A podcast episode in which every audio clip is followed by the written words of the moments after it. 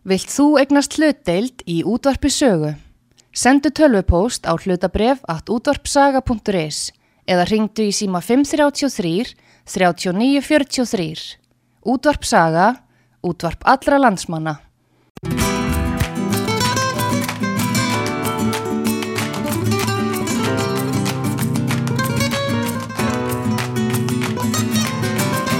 Þú ert að hlusta á unga fólkið með máguna sinni.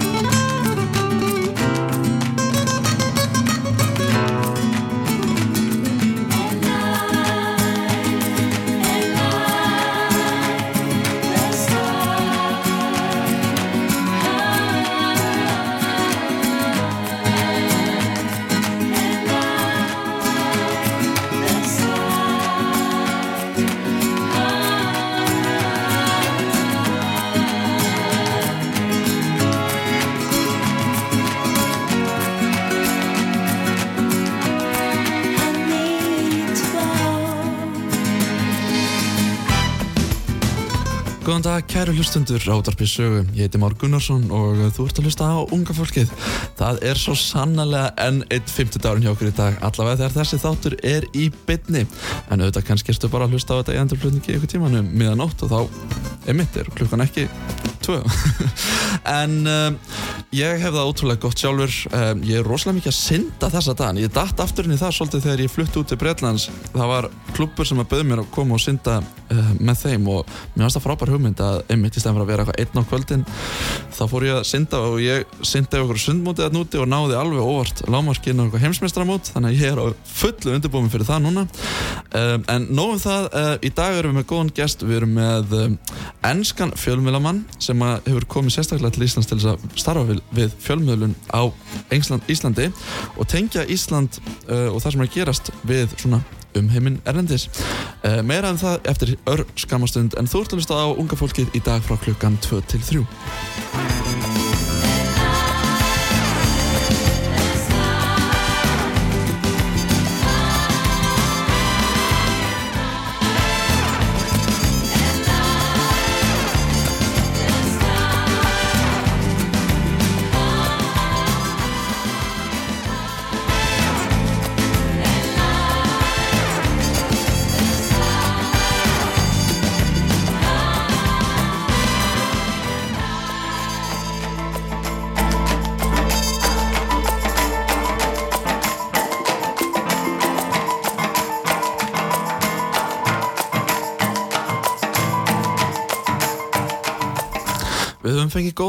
hér í hljóðver útarsögu uh, en það er hann Darren Adams sem uh, er ennskur frá Englandi uh, og hefur undanfærin ár starfað við fjölmjölun á Íslandi. Og ég mun núna skipta yfir ennsku þannig að fyrir þau ykkar sem eru kannski ekki sterkust í ennsku þá hveti ykkur samt til sem aður til að hlusta vegna þess að það er ágætis, ágætisæfing og síðan munum við spila góða tónlist þess á milli. En þau ykkar sem að tala á góða önsku þá er þetta lítið mál. Ég mun líka koma með svona þýðingar á og til ef ég mann það. Uh, Darren Be welcome. Hi. Thank Hi, you so Mark. much for coming. You are very welcome. Thank you very much for asking me. Uh, afsakið bara að læra íslensku. Já, þú ert bara að læra íslensku. well gert. I mean, it's a challenging uh, language to learn, I guess, it is. coming Um, from England. Well, coming from being an English speaker, we don't have the cases. We don't have what you have in Icelandic and what German has. So Yeah. when words change in the way that they do in Icelandic, Ah. Uh, we don't. We, we start by thinking w- w- there's no reason for that to happen.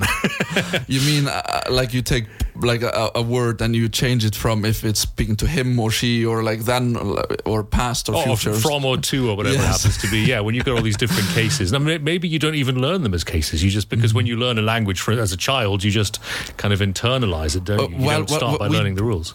Yeah, I mean, obviously, I think we do that, but there are some rules. Don't ask me exactly how they work.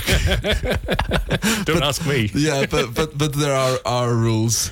Yes. How- and and how are tell, tell me how are you enjoying Icelandic summer? I mean, it's pretty different from uh, from the UK summer. Well, it's funny because I'm from the north of Scotland originally. So, you know, at the height of summer, we would get sun set at about 10.30 in the evening and the sun would rise at about 3.30, 4 o'clock in the morning. So it wasn't quite as extreme as here. No? But I was I was sort of used to it. I must admit, and I'm unusual, I think, among people in Iceland, Okay. in that I really really like the winter and I really don't like the summer. Mm-hmm. Because the bright light keeps me awake, and I never know when to go to bed. Ah. You, and you just need to ask your husband to buy you good curtains. Well, that's that's on the shopping list for like literally this weekend or next weekend. I think we're going to the blind shop to buy some curtains or some blinds that will make it uh, a bit darker for us. Like double, triple Exactly, tin foil stuck in the window, all kinds of stuff. like a like a like a dark dark um, dark space. What what is it called? Like. Hvernig segir maður svarthol á ensku? Like you know the uh, the big black thing in the space. You know that consumes everything and will consume everything. Oh yes, yes. Or maybe a dark room, like a photography dark room. where there's no light gets in. Yes, sleep true. in there, be fine. I was wondering, Darren, uh, just to get a little introduction Hmm. to our listeners, can you tell us just a little bit, like, who are you? Wow. Yes, it's a very deep question, and I expect a very good answer. All right, here we go. Well, I've been in radio since I was about nine years of age. Really, Okay, wow. In the UK, there was a radio station in Inverness called Moray Firth Radio, Yeah. Which invited all kinds of people to come in and volunteer. You know, whatever their age happened to be. And so I was in there at the age of nine or ten, and I was making coffee and putting records away. In the days when radio stations played records. Yeah. Uh, those days are coming back around again, I think, aren't they? But anyway, Mm-hmm. I was just helping out every weekend. There I was doing whatever I could just to be in the station because I just loved the idea of being on the radio. But I was, I was too young. You know, I'd, I, at the age of nine or ten or eleven, I was able to start operating the equipment and I knew how all of that worked. But I had nothing to say because I was a child. So Mm-hmm. when was it, if, if I may ask? When- that would have been. Uh, I, I was nine years of age in 1983. yeah, so you're born, what, 70? 73 73 it was yeah. yeah so 9 or 10 in 70 in 83 and um by the time I got to the age of 15 or 16, I'd managed to persuade them to give me a program once a week. Okay. And it was a music program. And again, I still didn't have very much to say because I was very young, didn't have much life experience, but I could talk about the music at least. That's the thing that I spoke about. And then from there, within a couple of years, I'd, I'd sort of outgrown Inverness and moved to Edinburgh. And I did a breakfast show uh, on a radio station in Edinburgh. Uh, a music breakfast show, which uh, I did for about eight years. Most of my 20s were spent doing that. Was it every day or? Yeah, Monday to Friday. And uh, Wow. I mean, anyone who knows me knows that I'm not a morning person. So starting work at six o'clock every morning. Oh my God, I, Was, I uh, relate difficult. because I um, I do um, professional swimming and I do professional music as well. Yes, and yes. you know, swimmers they like getting up very early for some morning exercises, but musicians they like you know hanging out very late, practicing or or it's it, Did the two cancel each other out for you then? Did you find yourself going to bed at a normal time? no No. no no. I, I'd rather go to bed quite late. Yes. And then in the morning, I always think about like, oh, you are so stupid. Why did you go to bed that, that late? But you know, then that that night, I probably just got some idea that I just had to explore. Yeah. But you know, the weird thing for me is that when I was doing the breakfast show, I used to get into a horrible sort of pattern where I would go home at 10 o'clock in the morning once I'd done the show. I would drive around Edinburgh looking for a pizza shop that was open. I couldn't understand why I couldn't 10 get o'clock? pizza. Yeah, because my, my sort of body clock was a few Ah. hours advanced of everyone else's at this point. And so I went home disappointed with no pizza. Okay. And I would start watching something on TV and I would fall asleep on the couch about midday and I'd wake up about three hours later and then I couldn't sleep at night. And this went on day after day after day and year after year after year. Yeah. And I got to the end of my time on breakfast and people would say to me, Oh, you must be used to it by now. And I say, No, it's just getting slightly worse every single day. It's like jet lag. But what was included because this breakfast show, I love the name of it. It sounds so British, and I can pi- Yeah. like I can imagine you sitting with a British. bagel or eggs and bacon and, and beans and a British. You, you're right because we, we probably don't call it a breakfast show outside of the UK. In America, it's called morning drive, isn't it? Um, uh, So yeah, it's it's it's the early part of the day. It's when most people are listening listening to the radio, usually between six and nine or between six and ten, something like that. Um, and it was a great honour to do because it is the biggest show on a station, and so I was thrown onto it very early, which was which was tremendous. And then Amazing. once I'd done that, and I got, I actually got bored with it because I I'd run out of things to say, and the you know the pop music at that time in the UK wasn't very good. I wasn't very much enjoying playing that, and so I explored on uh, on our sister station, Yeah. doing speech and features and interviews and election coverage and covering the Edinburgh Festival, which is a big arts festival every year, of course, biggest in the world. Okay. Uh, and so that gave me a chance to talk a bit more Yeah.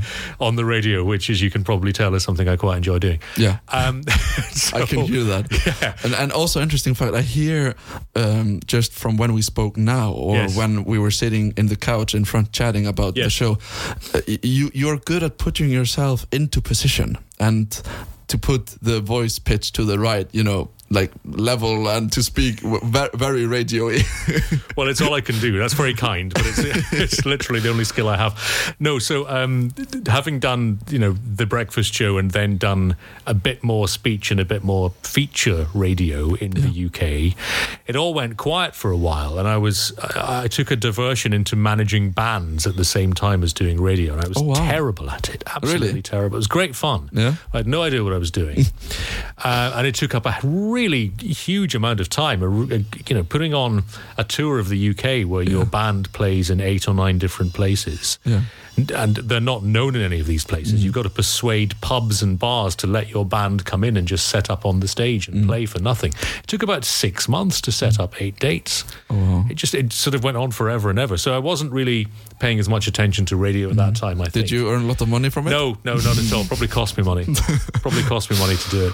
Um, but then, um, when I was looking for work once again and trying to, you know, fix the, the radio career, I took a shot at a radio station called LBC in London, which is a, a speech station. It's a news and current affairs station, and it invites calls from listeners. And at the time, LBC was only broadcasting in London, hmm. and of course, we were living in Edinburgh. And it took a couple of years to persuade them to give me a show, but once they did, I got a job very quickly. And so, for the last eight years before coming to Iceland, I presented a three-hour speech program every day on LBC, not just in London, but across the, the whole of the UK as well, working with the likes of James O'Brien and Nick Ferrari and, and names that I think, you know, might be recognizable outside of the UK even. So that was a tremendous time, a tremendous thing to do. And it was, um, yeah, it, it, it was only ever going to be something like moving to Iceland that would make me give it up, which is, which is where we get to. Uh, but this show was it quite different from the work uh, radio work you did before? Yeah, it, it, because it, we played no music at all. Ah, not at all. Not at all. So it was three Wow. hours of speech every day, and I would. Uh, it was a very opinionated radio station as well, which Okay. which meant that you would start by saying, "I'm Darren. I'm the presenter. This is my opinion on the thing that's happened today," and you would sort of rant about that for ten minutes, and then people Mm-hmm. would call in and tell you that they were wrong, usually, and that was the that was the format. But it, there was a lot of news built into it as well, Mm-hmm. and and the thing about the thing about the UK in the last few years is that politics has gone completely crazy since Brexit. So. Yes. So we were getting, you know, late night parliamentary votes that we could talk about. Sometimes Parliament was still sitting when we were on air at one o'clock in the morning. Wow. So it felt a lot more, you know, live, I guess, than it might have done ten or twenty years ago. Did, did you never have uh, uh, anyone shouting or something at you uh, Oh, on, all the, on the phone? I Really? just shout back at them. Really? Yeah, that's how it works. oh wow! We had some very regular callers who, who I, I'm not going to name because I like them, but Yeah. we um, obviously had very, very, very different views on things. Mm-hmm. And more often than not, those conversations would turn into, if not shouting matches, then certainly, you know, heated arguments. really? Yeah, wow! yeah, it was that intense. Absolutely. So, It so was- you were sitting there sweating over the phone calls and just like, No, no, no. I was. It was my job. I was. I was kind of used to it. You know. Yeah, it, was, okay. Mm-hmm. uh, it was. It was what I did, and it was great fun.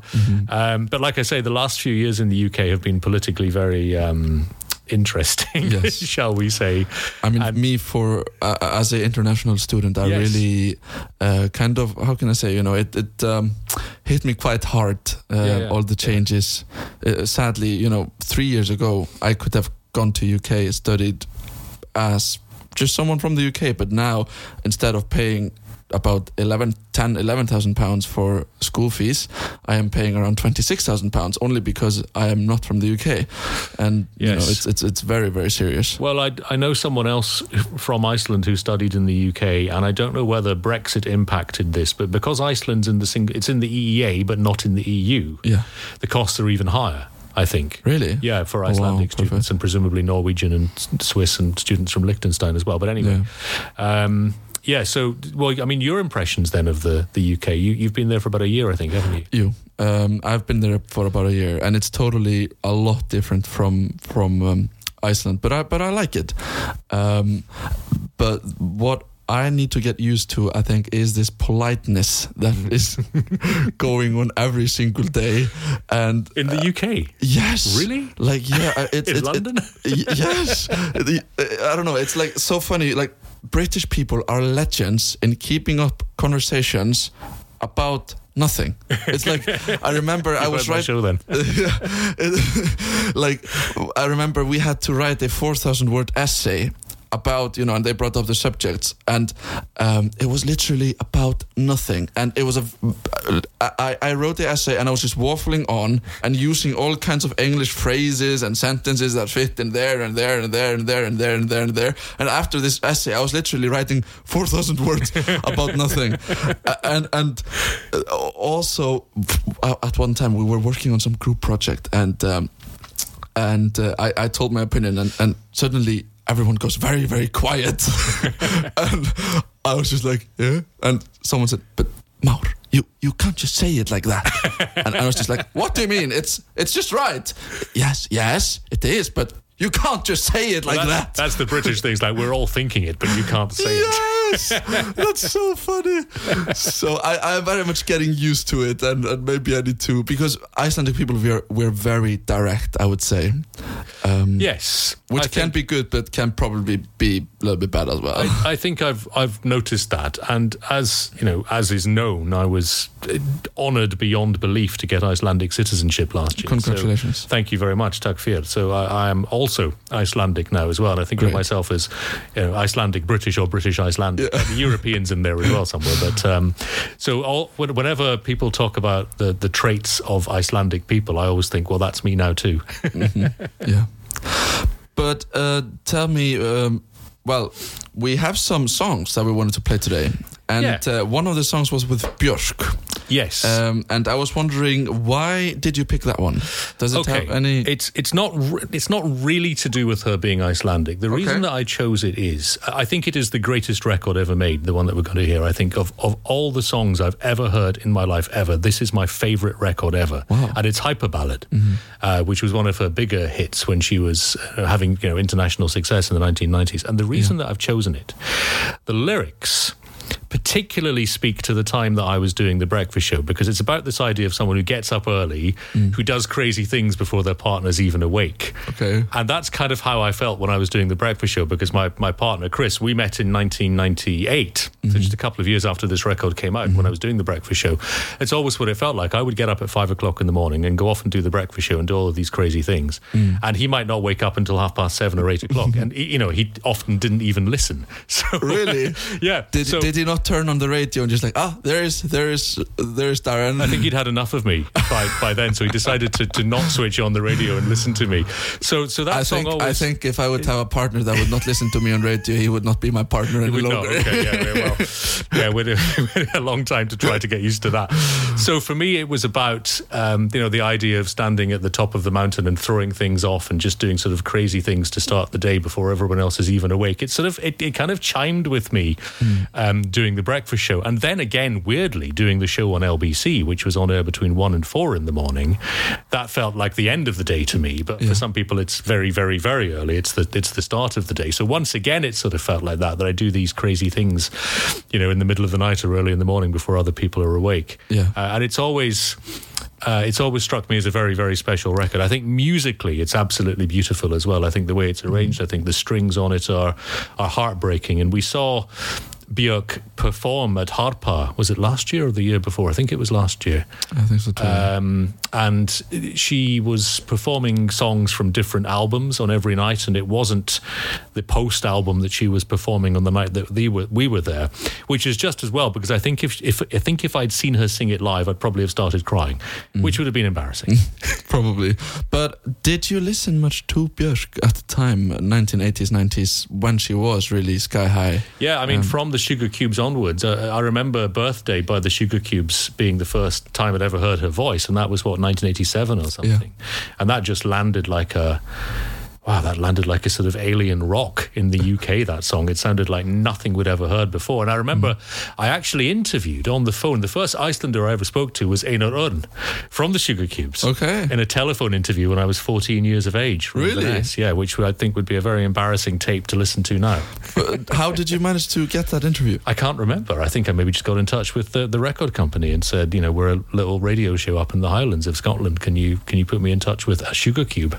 oh, great. And you managed to do it. So yeah, we had a phone interview. So I remember remember thinking at the time, wow, I'm actually because I'd always been we'll maybe talk about this, but I'd always been obsessed with Iceland for some reason ever since I was a child. Really? Yeah, and so to to be able to speak to a you know sort of famous Icelander at the age of 14 was a big deal. That's super interesting, and I would love to hear more about your um, love for our beautiful country We'll just in a that, moment. yeah. So let's listen to uh, Björk uh, here right now. Thank you.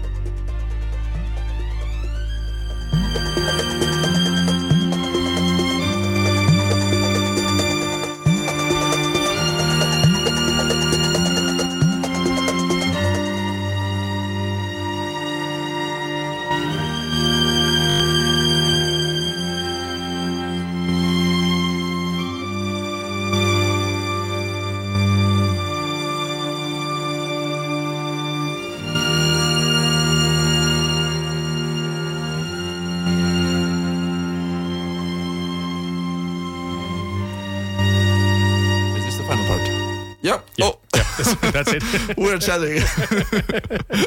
it's it's very risky to have interesting conversations when you know when you're supposed to be listening to the Oh, song. tell me about it. So, so often during the, the commercial breaks and the news on LBC, the Yeah. gossip with the producers in the gallery was Oh. probably more interesting than And- the show. Yeah, then you you you know just stop listening. Then oh yeah, oh here we are.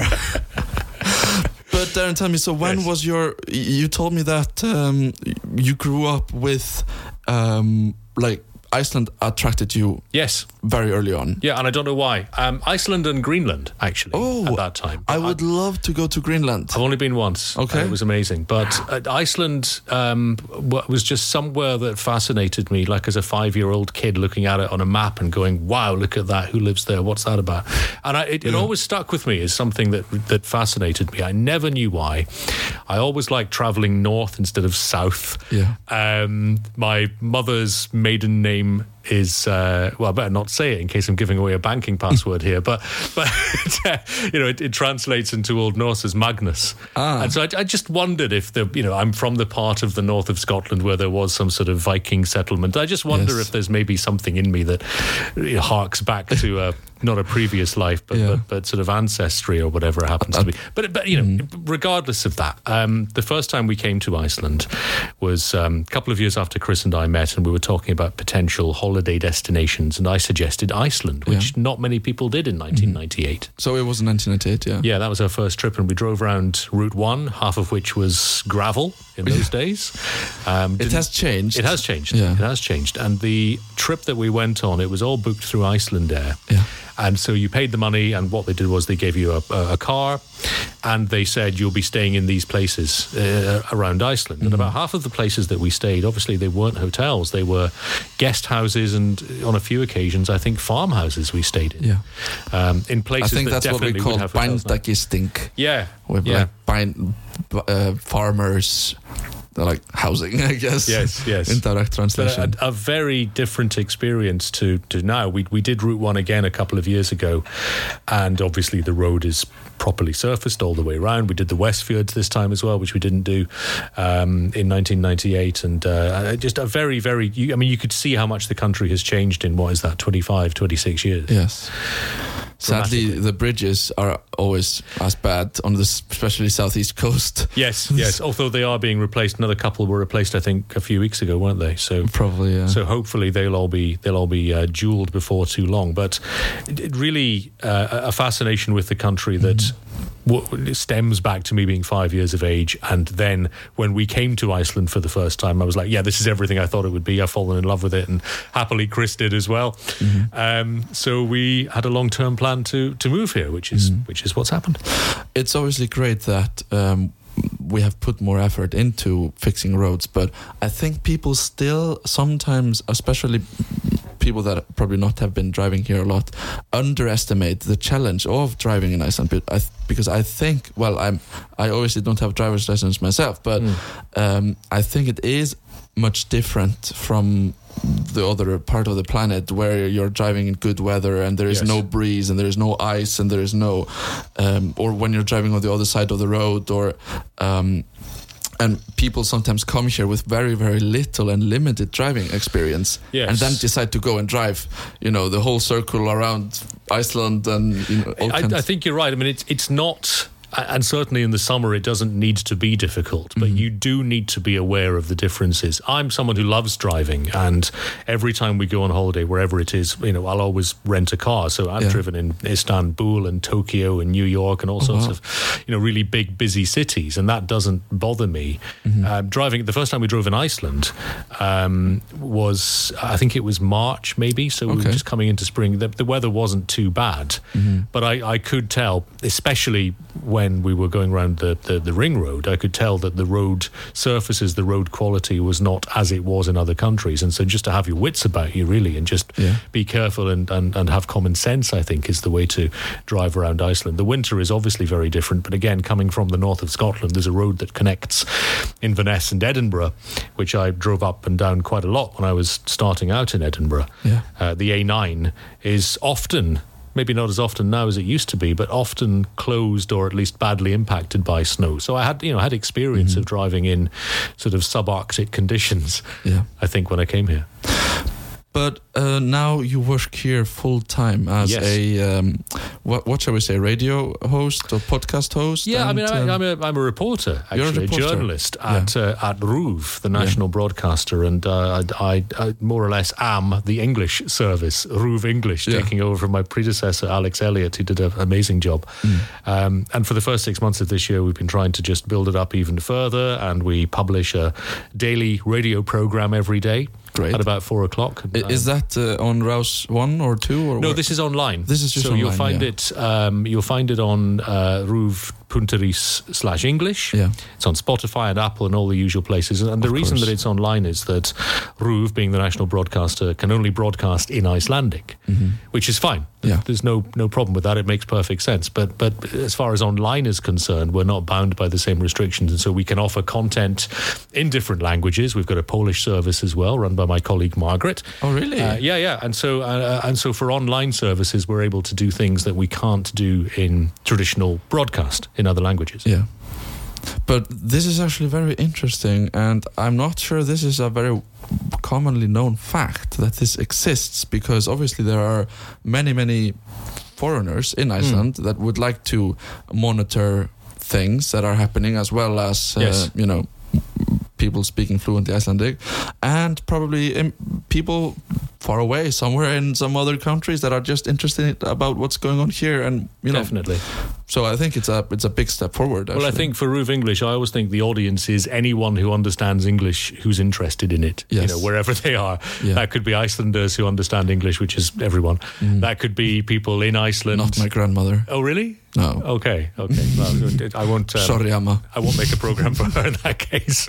Um, but you know, it could be English speakers in other countries or English speakers in Iceland. Anyone who's interested in the content is very welcome to to enjoy it, as far as I'm concerned. And we have a lot of written content online as well on the website. And one of the main tasks is to keep English speakers up to the up to date with the news in Iceland. And of course, for the last few days, that has meant the uh, earthquake, hasn't it? Yes, of course. That's a very And the volcano, I should say. Popular Yeah. popular subject.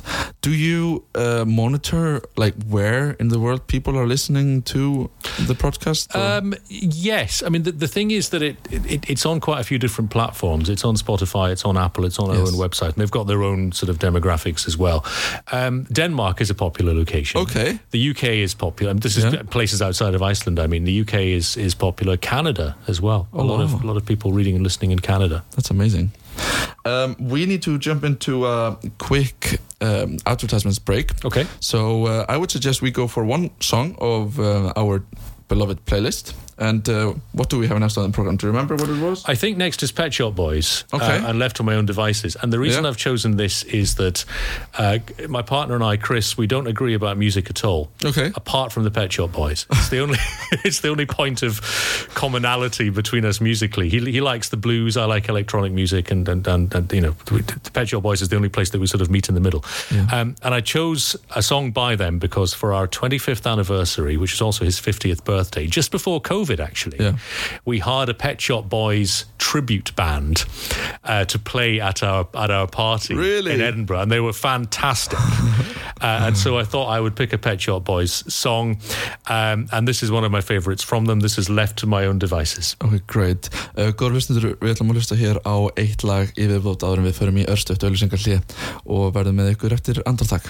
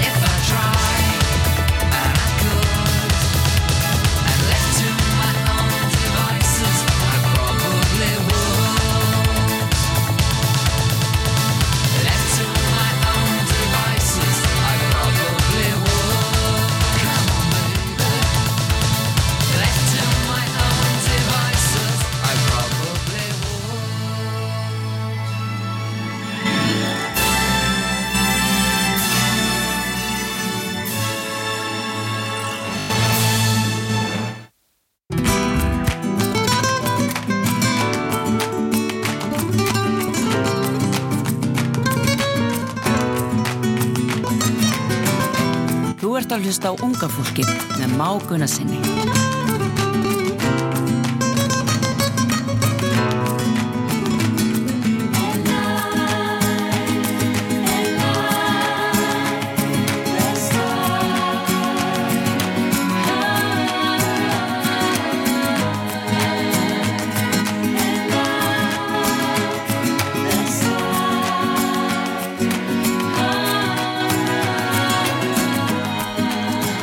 Komið sæl aftur eftir þetta örstutta auðlýsingarlið. Ég heiti Már og þú ert að hlusta á unga fólkið og viðmælanda minn í dag er Darren Adam sem að, uh, er útdagsmaður frá Englandi, hefur ára tuga reynslu í útdagsvinnslu um, þar úti uh, og vinnur nú við fjölmiðlun hér á Íslandi.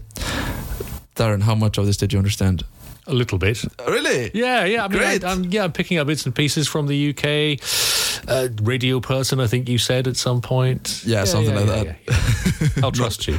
Yeah, yeah, yeah. I, I said something very, very nice, don't worry. That's fine. That's fine. I'll take your word for it. Yeah. Um, so I'm a little bit curious to know how. I mean, we we spoke about it here earlier today that um, you very at, a, at an early age um, fascinated Iceland fascinated you. Yes. Uh, and it had a lot of attractions. Um, So now you live here. Mm. Um, we have not really covered like how exactly that happened, that transition. Yeah, it, it it's an amazing story. I mentioned earlier on that I was um, lucky enough. I mean, lucky doesn't really cover it. Honoured enough to become an Icelandic citizen last year, Yeah. and the reason that we went down that route is Brexit. Yeah. Because when Brexit happened, um, the the sort of dream that we'd long had of coming to Iceland at some point became impossible because uh, the UK left not only the European Union but it left the EEA as well, left the single market. Did you vote for it? I did not. I've got to be. Uh, I mean, I, there's, there's an interesting point that spins from that actually, which is that in my current job at RUV, of course, I am uh, impartial. But um, in my previous life at LBC, we were paid to have opinions, and so my opinion on that matter is not exactly a secret to, to anyone who maybe listened to, uh, to to kind enough to listen to those programs. My opinion on a whole variety of things is probably not a secret for that reason. But anyway, Don't worry. Here, here you can say whatever you Okay. want. Well, it, it did. It did get in the way, obviously, of the plans that we had, and so so we uh, we spoke to a lawyer who suggested that it might be possible, given that we've been coming to Iceland for such a long time, and given that we have lots of friends here, and given that, that we we have actually made genuine you know genuine cultural ties with the country, it might be possible to investigate citizenship uh, through Althingi, and I wasn't I was very, very far from convinced that that was possible, but she said it's worth the try. And so, long story short, we tried it, and to my unending delight. And as I say, it, it's a, it's a pinch me moment every day when I think about it and I see my passport.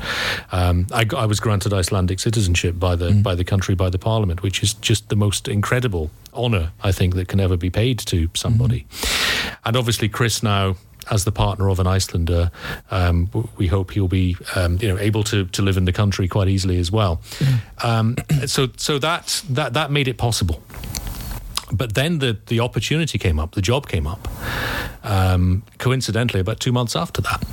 Yeah. And so it really did feel as if everything was falling into place. Where? How did you discover the job? Did you just see it online or what? Uh, well, I, I knew I knew Alex, my predecessor, okay. uh, and I'd appeared on his podcast when he was running RUV English on a couple of occasions. oh wow. And and so I was keeping my ear close to the ground for all sorts of opportunities in Icelandic media, as you can imagine. Of course. So I was I was alert to to it being possible, and and when he he mentioned to me that he might be at some point, you know, leaving RUV, I was I was aware that this was a possibility.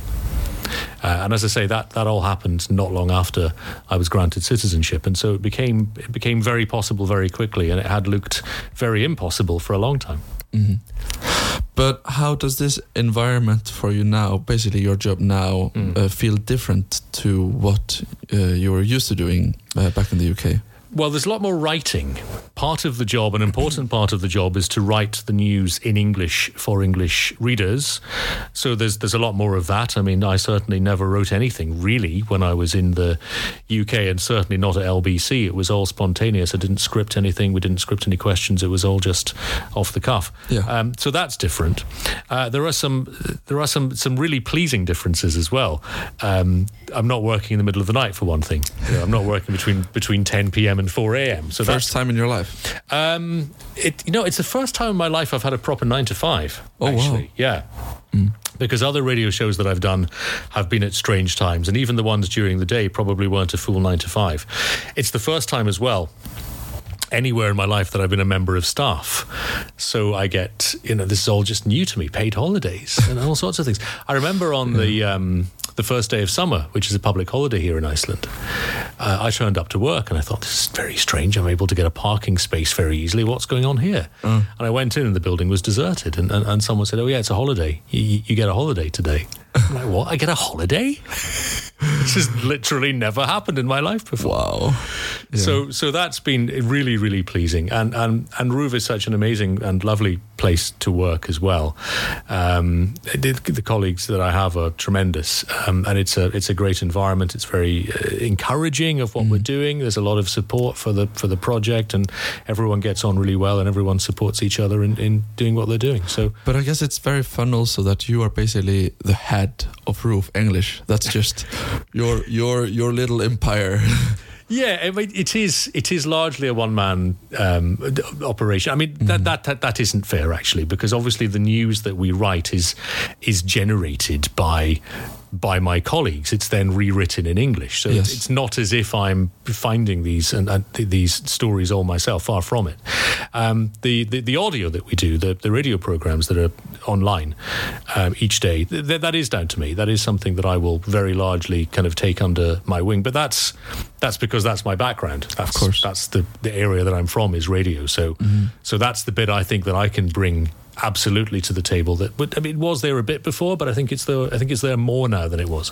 But I guess it's also very important for you to have that opportunity to involve radio with not only translating articles and being able to go around and actually make you know uh, some interesting documentaries. or- Yeah, yeah, and it's such a it's such an interesting country. And again, this goes right back to my very early days in radio when at Moray Firth Radio in Inverness, the area that we covered was geographically very big. It was about the size of Belgium. It's a local radio station, but it was Yeah. covering a big a big chunk of land. It took about six hours, I think, to drive from one end of the area to the other in those days. So I, I had a sense of how important, and this is something I think is very important on RUV English. It's not just about the capital, it's not just about Reykjavik. It's really important to get to all parts of in this case the country, which is why I've made a point of of travelling to Akureyri recently. A couple of weeks ago, I was in Isafjörður and uh, and Sudavik and and and, and Holmavik making programs as well, which will be published soon. We've we've got a bit of a backlog because of the volcano this week, Yeah. but uh, those episodes will be published shortly. But I think it's really important, and also why wouldn't you want to cover these amazing places? Why would why would you only want to confine yourself to one part of Iceland? I mean, I always say that if I would be the uh, what what to say the the empire of Iceland, and I would have, have all the power in my hands, I would move the capital to Akureyri. To be honest, and because I, I find the area there much more nicer. Well, have- it's a wonderful, it's a, such a beautiful place, and it's it's, it's Yeah. a wonderful place, and I'm delighted they've just had their twenty thousandth resident, I think, in the last couple of months as well. I know Yeah. that was a big milestone for them, but it's such a beautiful part of the world, it's amazing. um, and it's a really culturally important It city. is. One of the shows that we did in Akureyri was at the Hof, uh, Ah. the, the the cultural Yeah. centre in the centre of the city. And there's so much going on there, um, and it's it's just a nice place to be apart from anything else. But there's so much cultural activity going on in North Iceland. It really punches above its weight. I think. yeah. Funnily enough, I think I'm going to Akureyri tomorrow. Okay, I'm- think you're going to Akureyri tomorrow? Yeah, I think so. Yeah, uh, we have a. Um, so I'm practicing now. I'm training hard for the World Championships, which will be in Manchester now Yes. towards the end of this month. Um, and um, my coach from the UK just came to Iceland and is staying with me for ten days. And we had this idea, you know, we are training, but we can also travel a bit the country and just train in the swimming pools around the country because we have so many fantastic swimming pools. Yes. So that's one of the idea. where We will then go tomorrow to Akureyri and stay uh, for a few days. And it's a lovely pool in Akureyri as well. It's a very great good pool. Did, did you try the water slide? I, I'm scared. I'm scared. I, I, I I'm, I'm a big baby. I, I've been down them a couple of times, but I, I, I don't like the sensation. Did you did you try the toilet one? The one with where you have Oh to Oh God, no, no, no, no, no! I know the one you mean. The Yeah. one where you get where you get sort of thrown into the middle of what looks like a toilet, as you say. Yes, My, yes. my partner did it. He was fine. Chris was fine with it. Um, I, I was. I'm. I'm terrified. I'm going to bang my head and Yes, knock myself out or something. the, the creepy thing about that one is yeah you go down it Yeah. and then you end up in this like this bowl thingy and you go circle circle and you have to and there is like this gap uh, this hole somewhere in the middle and you have to you know it does not take you automatically there you have to somehow control yourself and i didn't go there for many years but then i decided on my last trip just to Yes. fuck it you know like I, will- i'll just try it and i did it and i was so scared uh, just you know going and, and trying to hit in, in into this little hole and i did it i think about 10 times Do you know if, if I if I was to try that, then Landsbjörg would be coming out to rescue me. I'd be stuck there for days. i mean i'm sure you could make an interesting podcast from the yeah, from the middle of the the middle of the attraction. But it's RUV one of, English. RUV English stuck in the middle of the toilet. Akureyri. Um, one of the things I do love about the country is the swimming pools. yeah And when we have, I remember during COVID, uh, we had a holiday booked in Iceland, which we couldn't do because everything was shut. Um, and we didn't come over in the end because we weren't able to. And I remember thinking, I, I really, really, really want to be in an Icelandic swimming pool right now. I want to be, you know, in, in Vesturbæjarlaug or, or, or, you know, one of the one of the neighborhood pools in, in Reykjavik, just lying back and hopefully with the snow battering down on my head. that's so nice I really want that to happen. And the more, you know, the more it couldn't happen because of COVID, the more I craved it, the more we wanted to be in Iceland, at, back at the pools. And I think it was the very, uh, the very first thing we did upon our return to Iceland when the COVID restrictions lifted was just to drive straight from the airport to the first, the first pool in town. really yeah. was it was that the one in Keflavik or did you go to uh, No, we didn't. well, actually, yeah, we could have done that. We could have just have stayed in Keflavik. No, I think we, um, I think we actually maybe drove straight to the main pool, Laugardalslaug. I think Laugardalslaug. that, that's where we went Yeah. on the very first uh, trip back. But it was, you know, we we've we've been away from this for too long now. Mm. We want to be back in a pool as quickly as possible. yeah i mean they are one of a kind Yeah, and they're totally very much different from the UK pools. Um, I, Oh, yeah. I can say that from having trained in UK swimming pools now for about one year. It's it's not the same thing. Also, the the most rewarding thing after swim, swimming practice is either go to a good shower Yes. or a hot tub. and the swimming pool in the UK did have neither of those. neither of those. No, but but as as someone you obviously takes swimming very very seriously, does it annoy you that people float around in the pools, not really swimming, getting in your way?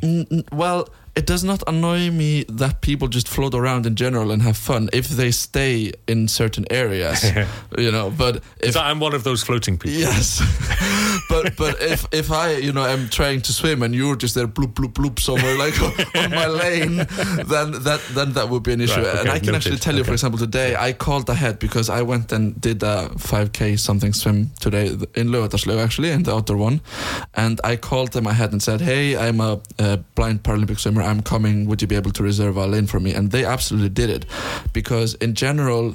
Um, when I'm swimming at my pace, if some people get in my way, it's uh, could actually just be risky for them because I can hit them very hard.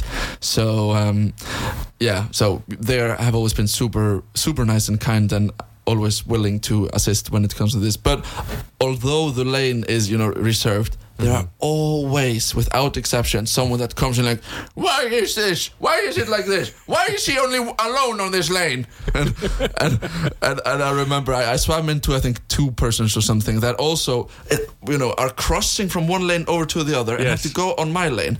And people sometimes don't think, you know, they just go under. But it's like going over a you know street. Yeah. When you're crossing a street, you look left and right. You know. Well, it's common sense. I would think that if a lane is reserved, there's going to be a good reason for it to be reserved, and that would be enough to satisfy me. So, you know, th- this isn't just being done for fun. There's a reason for this. Absolutely. Uh, I'll use one of the many other lanes, which isn't reserved. but but I think we're very lucky when it comes to those swimming pools, and I would say it's it's part of Icelandic culture and one of our like biggest treasures.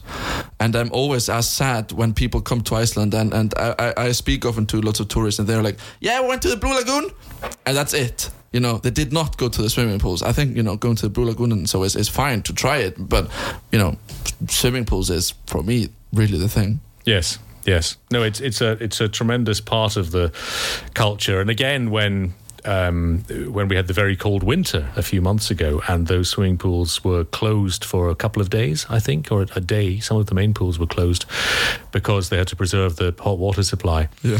A- again, and we did some reports on this at RUV. People very disappointed, but not being able to swim even for a even for a day, Yeah. Which I get. and also this thing just about people showing up every day exactly at the same time so people make friends in, in the swimming pool and people do you know people go there to chat about politics and and it's it's it's a little bit just like a social yeah. event Yeah, yeah, for sure, for sure. And um, when when my Icelandic improves, that's a you know series of conversations I want to take part in if I possibly can as well. I, I encourage you definitely to do it but so tell me uh, what is ahead what's ahead now both for RUV english and you and you just personally and, and Yeah, well, um, uh, Chris is is here with me permanently very very soon. He had to spend just a bit longer than me finishing off his job in Edinburgh. Um, for RUV English, we want to keep things going through the summer. I mean, Iceland gets very quiet in the, the summer, but we want to keep getting those shows out every day. Um, and then I'm looking forward to Christmas and winter because those are my favorite things. And again, I think the way that, particularly this this city, the way that Reykjavik looks in the middle of the winter and for months on end, it's stunning. Um, I I'm obsessed with Christmas. really Yeah, I love it. Ooh. Uh, and I start getting excited about it uh, in about September. okay so I will have the decorations up in October. okay This, this has happened. That, that's that's amazing. but to be fair, in Iceland where it gets so dark, I think we should encourage people to put the lights up early and make you know the environment pretty. And And I love the fact that they hang around until March as well. You know, the Christmas lights are up until March. This is my kind of country. well, this sounds like my ex-boyfriend who had his Christmas tree until March. That did not work well. It's not the same. It's not the same thing. Yes, yes. Because it was already dead like three months ago. So, well, I suggested to him he would just keep it until next Christmas, but that would also not, not I, I must good actually confess that my our Christmas tree is in my car right now. and because we're moving from one flat to the other, and we moved a lot of stuff at the weekend. Yeah. But uh, I remembered that I have not, not moved the Christmas tree yet. So before I left for work today, I made a point of taking the Christmas tree out, putting it in the back of the car. So if Oh, anyone sees it's, my car, it's, it's a fake one. it, it is a it is a fake Ah, one. okay. Yes, it's not yes. a real Christmas tree. But uh, even I, I'm not planning to put up the Christmas tree in No. the middle of what's this July. I Maybe. encourage you to to go and for next Christmas and have a look at the Icelandic Christmas trees. Mm. Because there. Yes. I don't know if you know about it, but there we have what what we call fura, which is which is very different from these you know typical Danish Christmas trees. Yes. and they are so so so pretty and smell so good. I think we will try to get a real one. We've got space for it, uh, uh, luckily, in the flat that we're moving to. So, yeah, I'm going to take you up on that idea, I think. Yeah. Well, but I'm sure we could have lots of conversation about Christmas and all kinds of Christmas habits, and that would be a subject for a whole new episode. Whole May- new radio station Yes. for me. Maybe when it gets closer to Christmas. So, Maybe. Yeah. Uh, but Darren, I just want to thank you so much for taking your time to come. Thank you very much for asking me. It's been a real treat. Great, amazing, and um, as well, just best of luck with RUV English, and and I am I'm following it now as you played my song previously in in. in yes, we did. shows. That's right, in one of the episodes. Yes, Yeah. exactly. You were inter- interviewing some guy, and then you ended the show on, on my song, which was amazing. I think that guy was Valur Gunnarsson. Yes, I think Uh, so. it was, yes. He was doing the week in Iceland with us. Yeah, yeah, yeah. I think he's an author, isn't he? He's an author as well. In fact, I, th- I think Valur's in Ukraine at the moment. Ah, Um, he spent a lot of time there. He's he's very interested. Under the you know with the NATO conference going on in in um, in, in in fact it's not a NATO conference, Nordic conference in Yes. Helsinki just now. He's also very interested in Finland as well. But I think he's in uh, Ukraine at the moment. Is Yeah. Valo. But yes, that was the episode in which we uh, played your song. Yeah, exactly. Again, just thank you so so much, and good luck. And it will be interesting to you know see how Roof English will also develop, and how you know just just yourself what you'll be doing, and you know just good luck with everything. let's stay in touch. Uh, góður hlustendur, ég vil þakka ykkur kærlega fyrir samfélgina hér í dag um, og uh, ég hlakka til að vera með ykkur að uh, viku liðinni. Takk í bili og sjáumst síðar. Verðið sæl.